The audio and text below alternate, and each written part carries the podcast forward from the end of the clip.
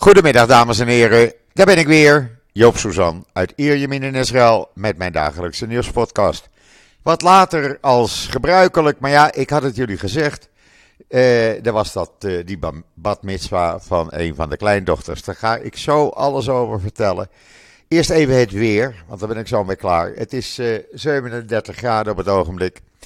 Strak blauwe lucht, een windje uit het eh, westen. In Jeruzalem is het 39 graden. Eh, het wordt de komende dagen nog wat warmer. Dat schijnt ook de gebruikelijke norm te worden. Dat ga ik straks allemaal uitleggen. Maar we hoeven in ieder geval uh, geen dikke kleren aan. Lekker weer. Ik heb me weer omgekleed. Ik was natuurlijk op chic vanmorgen. Nou, lekker weer in t-shirt en korte broek. Ja, en dan vanmorgen, dat was toch wel iets heel speciaals. Want normaal gesproken wordt er, als een meisje 12 wordt, niet iets in een synagoge gedaan. Geen speciale dienst voor haar of wat dan ook. Maar eh, eh, dit gezin, deze ouders, die zijn zo speciaal. Ze hebben ook vier speciale kinderen, moet ik zeggen. Ja, ze zijn allemaal speciaal, maar iedereen heeft zijn eigen uh, specialiteiten, laat ik het zo maar zeggen. En zij wilden iets doen, de ouders, uh, dat dat meisje toch iets met de Torah kon doen. Nou, nou heb ik een zwager. Uh, die orthodox is, streng orthodox. En daar hebben ze het mee besproken eerst. Die had daar helemaal geen moeite mee. Uh, die had gezegd, natuurlijk kan dat op een doordeweekse dag. Geen talit of talles, geen keppeltje op, niks natuurlijk. Maar ze kan natuurlijk gewoon uit de Torah voorlezen. Nou, wat hadden ze nou bedacht? De moeder is professor op de Universiteit van Tel Aviv. Dus ze hadden daar in die universiteitscomplex is een bijzonder mooie uh, synagoge. Het zijn uh, ja, eigenlijk twee ronde Torah-rollen. Waartussen dus de synagoge is. Laat ik het zo uh, uitbeelden. En nou, daar hadden ze dus gehuurd. En daar kwamen dus familie en vrienden vanmorgen om tien uur al bij elkaar. Dat betekende dat Joop met de nicht uit Parijs om kwart voor negen vertrok. Want er reed ook geen treinen. Er was toevallig uh, wijs een uh, elektriciteitsstoring. Dus geen treinen van Netanya naar uh, Tel Aviv en terug. Tenminste op dat moment. Dus Joop moest zich in de file storten. En we deden over 18 kilometer. Dankzij Waze en Google Maps slechts een uur. Nou, dat viel dan nog mee, want er zijn mensen die er langer over doen. Maar goed, uh, uiteindelijk bereikten we dan dat uh, uh, universiteitscomplex. Nou, het is een hele stad, je verdwaalt er. Ook daar werkte Google Maps. En leidde me precies naar de juiste parking. nou, wij dus naar die synagoge toe gelopen. Daar waren al veel vrienden die ik jaren niet had gezien.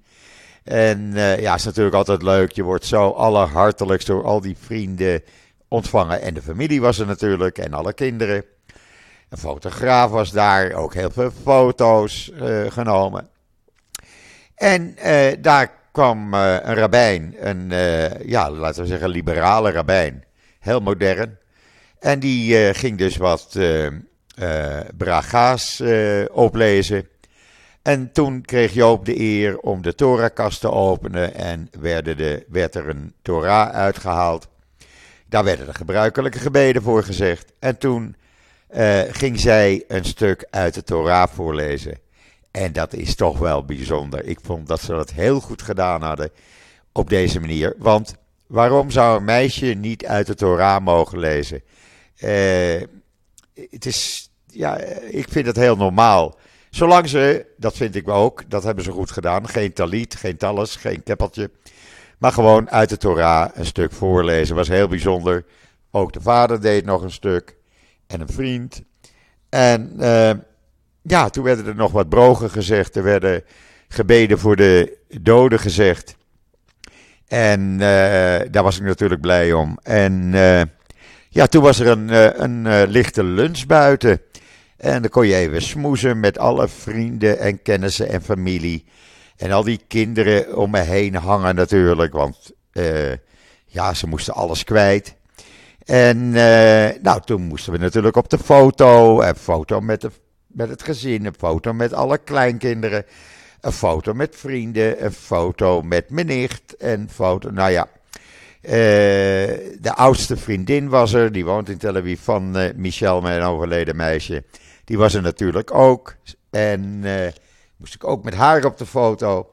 Nou ja, het was een bijzonder geslaagde ochtend, laat ik het zo maar zeggen. En ze zijn nu met het gezin naar de kibbutz Ramat Rachel om daar twee dagen lekker met het gezin in die kibbutz te blijven. Uh, dan komen ze zaterdag weer terug en dan uh, gaat het normale leven weer beginnen. Maar het is natuurlijk bijzonder als je dit mag meemaken. Het was ook emotioneel. Ik kom er eerlijk vooruit. Want wat gebeurt er op een gegeven ogenblik? Gaat uh, mijn kleindochter dus een, een toespraak houden. Meisje is 12 jaar, maar deed dat op een manier zo indrukwekkend. En waarin ze natuurlijk haar ouders bedankte en andere familieleden bedankte. En toen kwamen, ze bij, toen kwamen ze bij het stuk natuurlijk wat ging over haar overleden oma, mijn liefje. Ja, en toen werd ik nog genoemd en bedankt, want ik ben altijd de eerste, zegt ze, die belt bij een gelegenheid. Of die haar meeneemt, of dit, of met dat. En Joop dit en Joop dat. En ja, Joop hield het niet droog meer. Ik mag dan zo een flinke kerel zijn. Maar met dit soort dingen, ja, dan, uh, dan hou ik het gewoon niet droog. En dat was zo emotioneel. Was zo bijzonder. Ik heb er ook enorm omhelst en ge, gekust. Want ja, ik hou gewoon van die meid. Ik hou van alle kleinkinderen. Maar dit soort momenten zijn dan zo speciaal dat je dat mag meemaken. En dat zeg ik er echt bij, dat je dat mag meemaken. Want mijn meisje mag dat niet, mocht dat niet meemaken schijnbaar. Eh, want die werd ons bijna vijf jaar geleden ontnomen. En eh, dan is dat zo bijzonder dat ik ook aan de ouders schreef. Uh, ik heb ze natuurlijk bedankt in een uh, appje en geschreven. Het is zo bijzonder dit blijft voor altijd in mijn hart. Dit kan niemand mij nooit of te nimmer meer afnemen. Ja, dat is bijzonder. Dus ja, dat heeft Joop weer meegemaakt. Een bijzonder evenement. En dat vind ik toch allemaal duizend keer mooier dan alles wat er hier uh, in Israël uh, gebeurt. Dus ja, dan weten jullie het hele verhaal eigenlijk.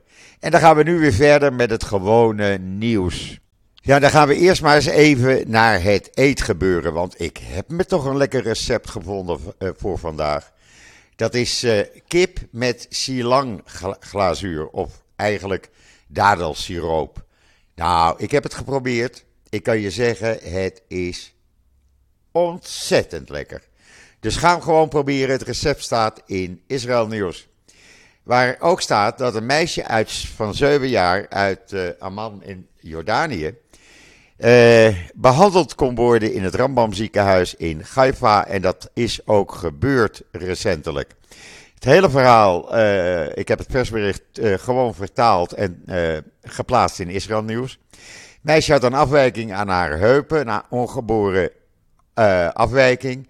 En ze moest daar aan geholpen worden, kon nergens geholpen worden, alleen in het Rambam ziekenhuis in Israël.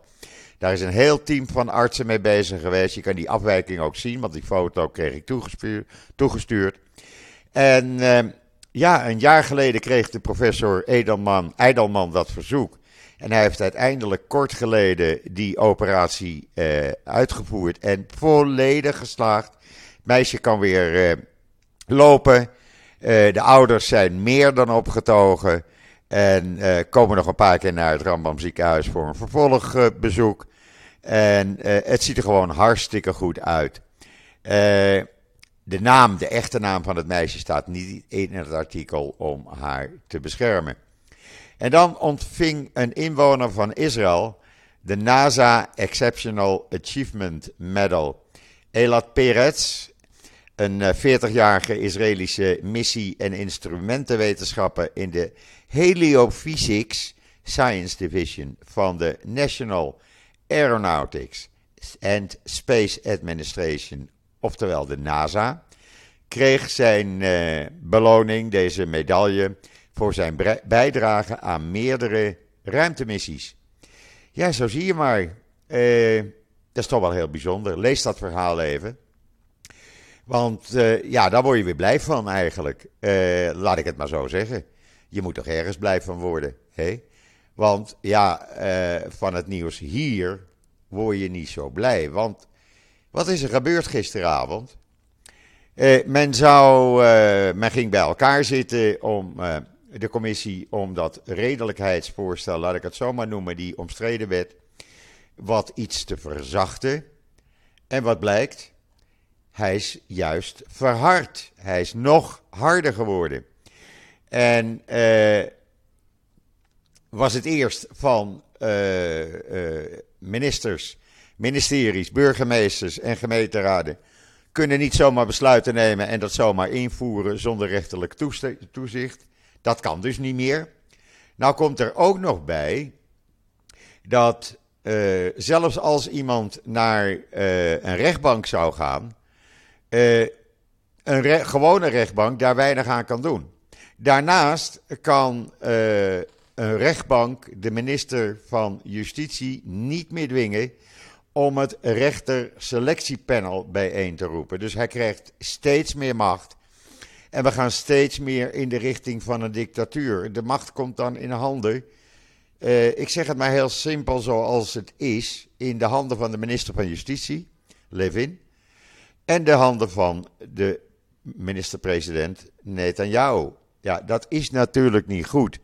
Nogmaals, heel simpel gezegd, ze maken een wet waarin staat dat je op zaterdag geen auto meer mag rijden als er 61 uh, voorstemmers zijn dan wordt die wet aangenomen en dan kan er geen rechter in het hele land meer aan te pas komen om die wet te verbieden.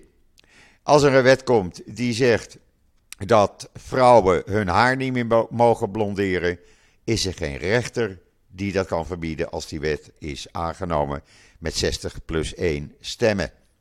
Zo werkt dat. Ja, en daar willen we natuurlijk, daar wil niemand naartoe natuurlijk, want ja, mensen, laten we nou eerlijk zijn, waar is de democratie dan gebleven? Dan, uh, ja, uh, dan is dat helemaal weg. Daar had David uh, Horowitz, die ik heel hoog heb zitten, had daar een goede op-ed van in de Times of Israel. Ik raad het jullie allemaal aan. Ga hem even lezen. Want dat ging namelijk, waarvan, nou laat ik het zo zeggen, zoals de headline luidt, dan begrijp je hem al. Je kunt de grote pensels, penseelstreken van Israëls politiek niet buiten het volksleger houden. Hij zegt de minister van Defensie verloor kortstondig zijn baan, dat was in maart, omdat hij zich uit had gesproken tegen een poging de gevaarlijke kloof van uh, waar ze nu mee bezig zijn met die rechters, om die rechterlijke macht uh, te verminderen. Uh, daar was hij op tegen.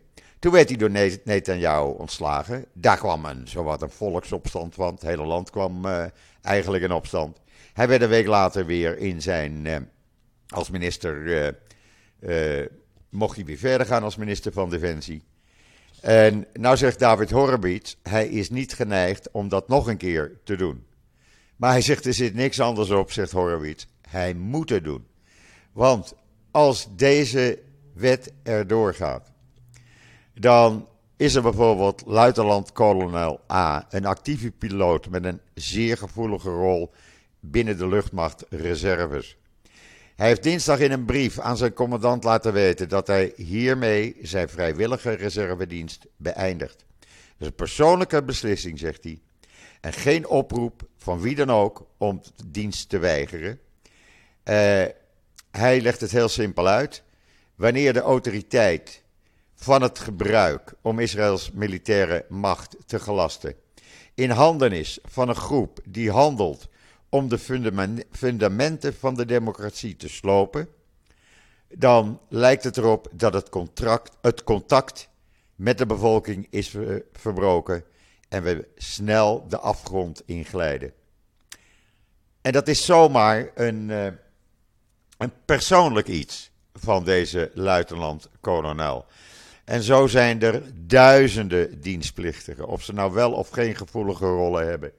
Er zijn er duizenden die zo denken. En het Israëlische leger, de Israëlische verdediging, is gebaseerd op uh, de reserves.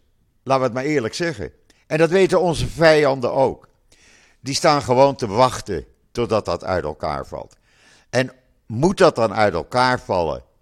Omdat een stel idioten een of andere wet willen veranderen, hun zin willen doordrijven en de democratie willen afbreken en Israël naar een dictatuur brengen? Nee, dat mag nooit of te minder of te nimmer gebeuren. Ik ga niet dat hele verhaal van David Horowitz, een van de oudste en bekendste journalisten in Israël, de hoofdredacteur van de Times of Israel trouwens. Ik ga niet zijn hele artikel voorlezen, want dan gaan jullie het niet meer lezen. Ga het lezen. Kan je, ken je geen Engels? Gooi Google Translate eroverheen, dan krijg je een perfecte vertaling, daar ben ik zeker van. Of gebruik een andere uh, vertaler. Je moet dit lezen. Dit is namelijk de kern waarover het gaat. Want nogmaals, als een stel rechtsextremisten, als een minister van Justitie, die al 23 jaar een of andere idee heeft dat hij de aangewezen persoon is om een wet te veranderen. Eh, als Netanyahu hun zinnen doordrijven, dan, ja, ik weet niet wat er dan gebeurt. Echt, ik maak me daar erg zorgen over. Ik heb vanmorgen met een aantal van die vrienden van eh, de zoon van uh, mijn meisje gesproken. Jongens die ik al heel lang ken. Jongens waarvan ik weet wat ze doen in het leger. Gevoelige rollen hebben de meeste. Er kwamen er ook een aantal met een wapen. En eh, omdat ze nog actief eh, met iets bezig zijn. En dan vroeg ik aan die jongens: wat vinden jullie van deze situatie? Zeg het mij gewoon eerlijk. Je kent me lang genoeg. Ik wil weten hoe jullie denken. Jullie zijn de reserves. En dan krijg je een eensluidend verhaal van iedereen apart. En ik sprak ze apart vanmorgen. Heel kort, maar wel antwoorden op mijn vraag. En iedereen maakt zich zorgen. En iedereen zegt: Joop, wij willen de democratie verdedigen. Wij demonstreren elke zaterdagavond op Kaplan. Wij gaan, uh, wij gaan onze handen uit de mouwen steken, elke keer weer, om te zorgen dat Israël gered wordt en niet in, een stel, in de handen van een stel dictators valt. Dat zijn de antwoorden die je krijgt van veertigers. Dat zijn jongens tussen de 40 45 jaar. En dan geeft het je te denken. Dan denk je, ja, je bent dus niet de enige die zo denkt. Maar gelukkig, uh, de jongeren, tussen aanhalingstekens, die, uh, die denken ook zo. En iedereen maakt zich zorgen. Ik denk ook dat er zaterdagavond bij de demonstraties door het hele land weer meer mensen zullen gaan demonstreren. Dat het nog drukker zal zijn als verleden week. Dat er misschien wel 200.000 of meer mensen in Tel Aviv komen. Uh, want iedereen maakt zich zorgen, iedereen. Ik sprak een paar vriendinnen van uh, Michel, van mijn meisje. Ik zeg, wat vinden jullie daar nou van? Ja, ook. Iedereen. Ik heb geen eentje gehoord die zei, Joop, lekker dat deze wet er is. Nee, niemand. Uh, ik sprak Israëlische vrouwen die getrouwd zijn met een Amerikaan. Ook tot de vriendenkring behoren. Ook vrouwen van tussen de 40 en 50. Allemaal hetzelfde antwoord. Laten ze nou niet zeggen binnen die regering dat zij de steun hebben van de bevolking, want in deze zaak hebben ze die niet. Heel simpel. En dan krijgen we natuurlijk gisteren dat uh, uh, stuk van Thomas Friedman, niet zo'n fan van Israël, in de New York Times, waarin hij beweerde dat het Witte Huis de relatie met Israël, uh, ja, die zou verminderd worden, die is verslechterd, daar wordt aan gewerkt. Ja, uh, dat was een heel groot artikel. Je kan het in bijna alle Engelstalige Israëlische kranten teruglezen van gisteren. Doe het als je het wil weten, want ik ga het hier niet voorlezen. Maar uh, allerlei Israëlische en Amerikaanse officials zeggen: er is geen nieuw proces on, onderweg om de relatie met Israël te herzien. Ja, het zal toch niet gebeuren dat dat, dat dat wordt gedaan. Want Israël steunt op Amerika, heel simpel gezegd. Ze krijgen 3,5 miljard aan steun dit jaar. Eh, sorry, maar zonder Amerika is Israël nergens. En onze vijanden die wachten erop, kan ik je zeggen. Want ja, Hezbollah, die staat gewoon klaar. En uh, meneer Nasrallah durft nu ook weer een grote mond te hebben, want er staan twee tenten op Israëlisch grondgebied, weliswaar een paar meter, maar het is van Israël voorlopig. En uh, hij wil ze niet weghalen. En hij zegt: durf het niet om, uh, om die tenten weg te halen daar. Want ik blijf niet stil. Dan begin ik een oorlog. Om twee tenten begint hij een oorlog. Want hij ziet natuurlijk ook de verdeeldheid hier in Israël. Hij ziet natuurlijk wat er hier gaande is. Die mensen zijn ook niet achterlijk. Dus uh, ja, het is niet alleen het leger. Het is niet alleen de economie. Het zijn ook onze vijanden die hun kans afwachten. En daar zijn een stel gekken mee bezig om dat allemaal ja, uh, ten prooi te gooien. Nou, sorry, maar dat kan niet. En dan hebben we meneer Netanyahu, die dus kritiek uh, uit op reservepiloten. Die hadden gezegd: wij gaan geen dictator dienen. Dat doen we niet. Wij dienen geen dictatorschap. We dienen geen dictator. Dan komen wij niet opdagen, dan maar de gevangenis in. En daar gaat hij dus op de keer. Eh, want eh, eh, ik, kan me, ik kan me niet ernstig voorstellen. het, ja, wat moet je nou? Je krijgt Channel 13. en, en, en uh, ja. Uh, nou, gewoon. Uh, uh, doet not. no, not uh, since it, because insert it goes. En dan. even kijken. Even kijken, Mick. Even kijken. Ja, en dan uh, meneer Zelensky. Uh, de, uh, van Urentius. Nee, Oekraïnse. Oekraïnse Zelensky's. Die kwam even met zijn. Die kwam met zijn. naar dan moet ik eventjes hier doen. Wacht. Ja, Zelensky heeft dus uh, Netanyahu aangevraagd van... Kom uh, naar Kiev toe, kom naar ons bezoek toe en wij kunnen, in, wij kunnen dan met je praten. Je komt dan naar Oekraïne toe in uh, Kiev en we praten dan. Nee, had Netanyahu gezegd, ik ga niet naar Oekraïne toe. Ik doe daar niks aan. Ik wil niet naar Oekraïne gaan. Ik doe het op mijn eigen manier. Ja, dat is natuurlijk iets anders als je van tevoren dus een. In uh, Times of Israel staat dit artikel.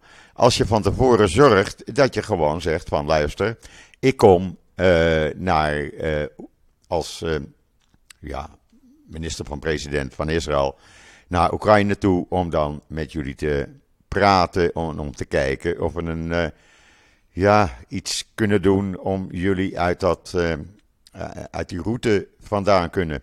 Maar nee, hij blijft voor, laten we zeggen, het moslim, moslim, Rusland uitgaan. En hij gaat niet naar Oekraïne. Dan is de Israëlische politie een bezoek is begonnen om een politieagent, wat je ook kan zien, hoe die in Times of Israel, hoe die over mensen heen rijdt.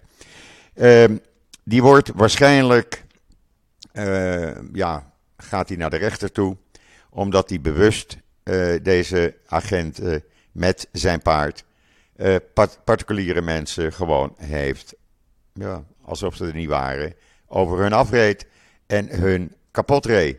En dat kan gewoon niet, want dat gebeurde er bij tientallen mensen die aan het demonstreren waren dinsdagavond. Die kregen allerlei paarden over hun heen. Die, eh, die paarden schopten.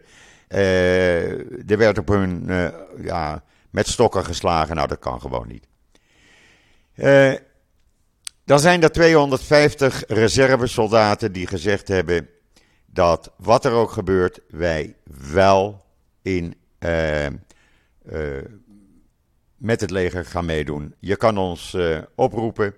Wij blijven er niet buiten, zoals anderen doen. Duizenden hebben al gezegd van wij gaan niet met dictaturen, als er dictaturen zijn, dan gaan wij niet herhaling meedoen. Dan blijven we gewoon uit het leger, dan bekijken ze het maar. Dan zijn er in 24 uur 24, uh, uh, vier Arabieren doodgeschoten op verschillende plekken in Israël. Eh, door eh, ja, mensen die hun zochten, Arabieren. Of Arabieren die tegen hun pro-Israël wetenschap waren, werden ze in elkaar genomen en doodgeschoten. Uh, vier mensen. We hebben nog nooit 120 mensen in een half jaar tijd gehad, Arabieren, die door andere Arabieren werden kapot gemaakt, werden doodgeschoten. En dan hebben we in uh, Haaretz. Uh, binnenkort gaat uh, de Israëlische president een uh, toespraak houden in uh, het congres van Israël, Herzog. En die gaat een uitgebreide toespraak houden tussen, in Amerika als hij daar is. Om het, hij gaat ook naar de, de, pre president van Israël toe, van Amerika toe. Maar hij gaat dus een toespraak houden, open toespraak in het Amerikaanse congres.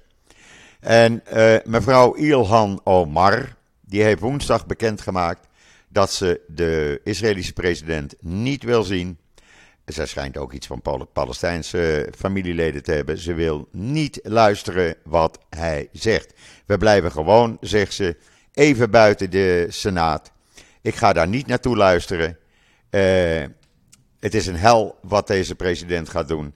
Uh, en misschien komt daar Rashida Tlaib, die ook tegen Israël is.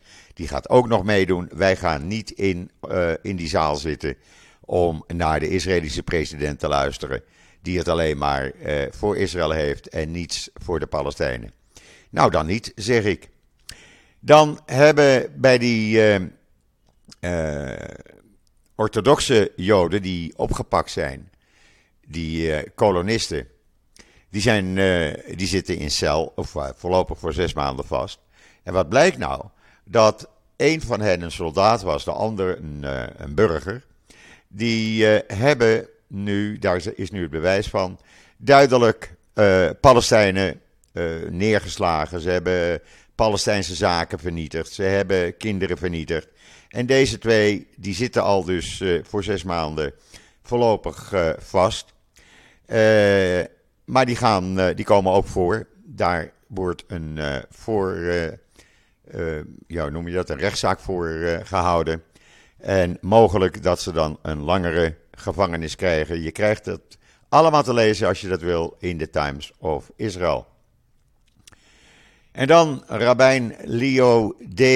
tegen Netanyahu. Die rabbijn die zijn vrouw en twee kinderen is verloren een paar maanden geleden uh, door ja, Palestijnse terroristen. En die gaat tegen Netanyahu tekeer. Want die zegt, Netanyahu had gezegd van, uh, uh, we krijgen een twee-taten-oplossing, dat gaan we allemaal doen, we gaan dat allemaal regelen. En uh, deze man, deze rabbijn, zegt heel openlijk, je kan het lezen in Jeruzalem Post, in het openbaar tegen Netanyahu, je hoeft niet te doen alsof er een twee-staten-oplossing is of komt, want die komt er niet. Je doet net alsof je dat allemaal toe gaat, maken, toe gaat nemen. Maar uh, wij weten dat het er niet komt. Er komt geen veelbelovende realiteit voor Palestijnen. Uh, vergeet dat maar, je gaat die kant niet op. Je kan dat allemaal lezen in de Jeruzalem Post. En ik denk ook dat dat gewoon niet opgaat. Want uh, ja, het gaat gewoon niet op. Klaar, heel simpel. Uh, hij is, hij is uh, liever blij, Netanyahu, dat, uh, dat hij kan houden wat het is. En laten we zeggen, zorgen dat langzamerhand Palestijnen weg worden geslagen om in hun eigen gebied te komen. En dat die extreemrechtse gewoon meer ja, Palestijns gebied kunnen pakken. Waar ze nu proberen die Palestijnen weg te krijgen. En dan is er een heel mooi verhaal in Ynet hoe een familie door een uh, badmeester is gered drie weken geleden van het meer van Tiberias. Toen hun boot zonk. En ja, die, die lifeguard heeft die hele familie op tijd kunnen redden. Dat was een vader, een moeder die in verwachting is. En twee kinderen van vier en negen jaar. Ze konden ze eerst niet vinden. Maar na ruim een uur ging die badmeester het meer van Tiberias in. En heel langzaam, na een aantal uren, vond hij ze. En hij heeft ze kunnen redden. Fantastisch. Dat kan je lezen in de Ynet, de Engelstalige Ynet. En dan uh, vandaag hebben we dus die hittegolf. Het is zo'n 37, 38 graden. Het is inderdaad heet. S'avonds wordt het niet warmer als 28 graden. En klimaatexperts zeggen, nou, Bijvoorbeeld dokter Ami Givati, die zegt heel simpel: hitte, hittegolven zullen gebruikelijk gaan worden de komende jaren. En we zien steeds meer uh, hittegolven die een week gaan duren. Uh, men verwacht ook dat we in het weekend, zaterdag, hier zo rond de 40, 41 graden hebben. Uh, bepaalde gebieden 42 graden. Hou er maar rekening mee dat het veel vaker gaat voorkomen. Deze hittegolf die we vanaf vandaag hebben, die gaat tot midden volgende week duren. En uh, ja, dan is het gewoon bloedje heet. Dan kan je ook niet zonder airco. Uh, Mickey de hond, hij wil naar buiten, maar dat is twee minuten. Hij doet het eventjes allemaal wat hij moet doen. En gauw weer naar binnen, want het is gewoon te heet. En ik ben ook blij dat de airconditioning werkt. Maar ja, het is wel, uh, hij is wel heet. Er zijn trouwens gebieden in de Jordaanvallei waar het vandaag, morgen, zaterdag, zondag tot 45 graden kan worden. Uh, dat is het uh, oostelijk gedeelte van Israël. En daar zullen we aan moeten gaan wennen. Je kan dat allemaal lezen en zien in de Engelstalige Ynet. En dan, ja, Helen Mirren. Helen Mirren is in uh, Jeruzalem gearriveerd. De Brit is uh, de Engelse filmster die Golda Meir speelt. En die film, ik ga hem zien, echt waar. Die in die nieuwe film Golda, die gaat bij het Jeruzalem Film Festival zijn om dat te openen. En het gebeurt niet vaak dat Oscar-winnares, zoals Helen Mirren in Israël is. Ze weet dat ze hier bezocht wordt door paparazzi, dat mensen haar herkennen en dat ze ja, eh, veel uh, mensen om haar heen zal krijgen. Maar goed, dat heeft ze ervoor over. Ze, gaat, uh, ze is 77 jaar. Ze is in de afgelopen nacht gekomen. Ze blijft voorlopig in een aantal dagen in Jeruzalem. In het Inbalhotel, niet het minste. Ze ziet er goed uit, moet ik zeggen. Maar als, ik heb die film in stukjes gezien. Die kan je op YouTube zien. Waarin ze premier Golda speelt. Nou, het lijkt wel alsof het premier Golda is. Echt waar. En dan komt ook Lief Schreiber. Die komt ook hier naartoe. Die speelt in de film staatssecretaris Kissinger een rol.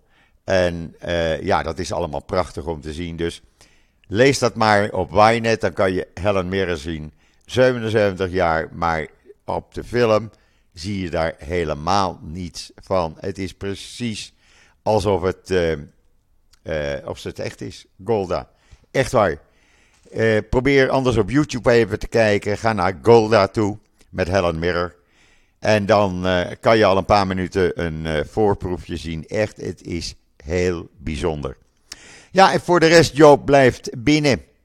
Lekker, s'avonds gaan we wel naar buiten. S'morgens om 6 uur loopt hij naar buiten. En overdag blijven we lekker binnen. Hij doet het even snel in de tuin.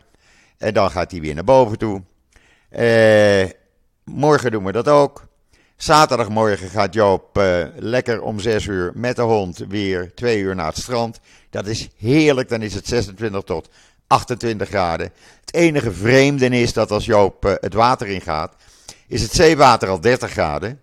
Dus dat is dan even, de eerste uur dat je loopt, is het zeewater warmer dan de buitentemperatuur. Dat is heel speciaal. Maar dat is maar voor eh, tussen 6 en 7, want daarna gaat die zon eh, weer omhoog. En dan draait alles weer om. Maar goed, dit is de temperatuur. We doen het er maar mee. Eh, ik heb lekker mijn korte broekje en t-shirt aan, want het was me vanmorgen in die synagoge toch wel heel heet, kan ik jullie zeggen, mensen.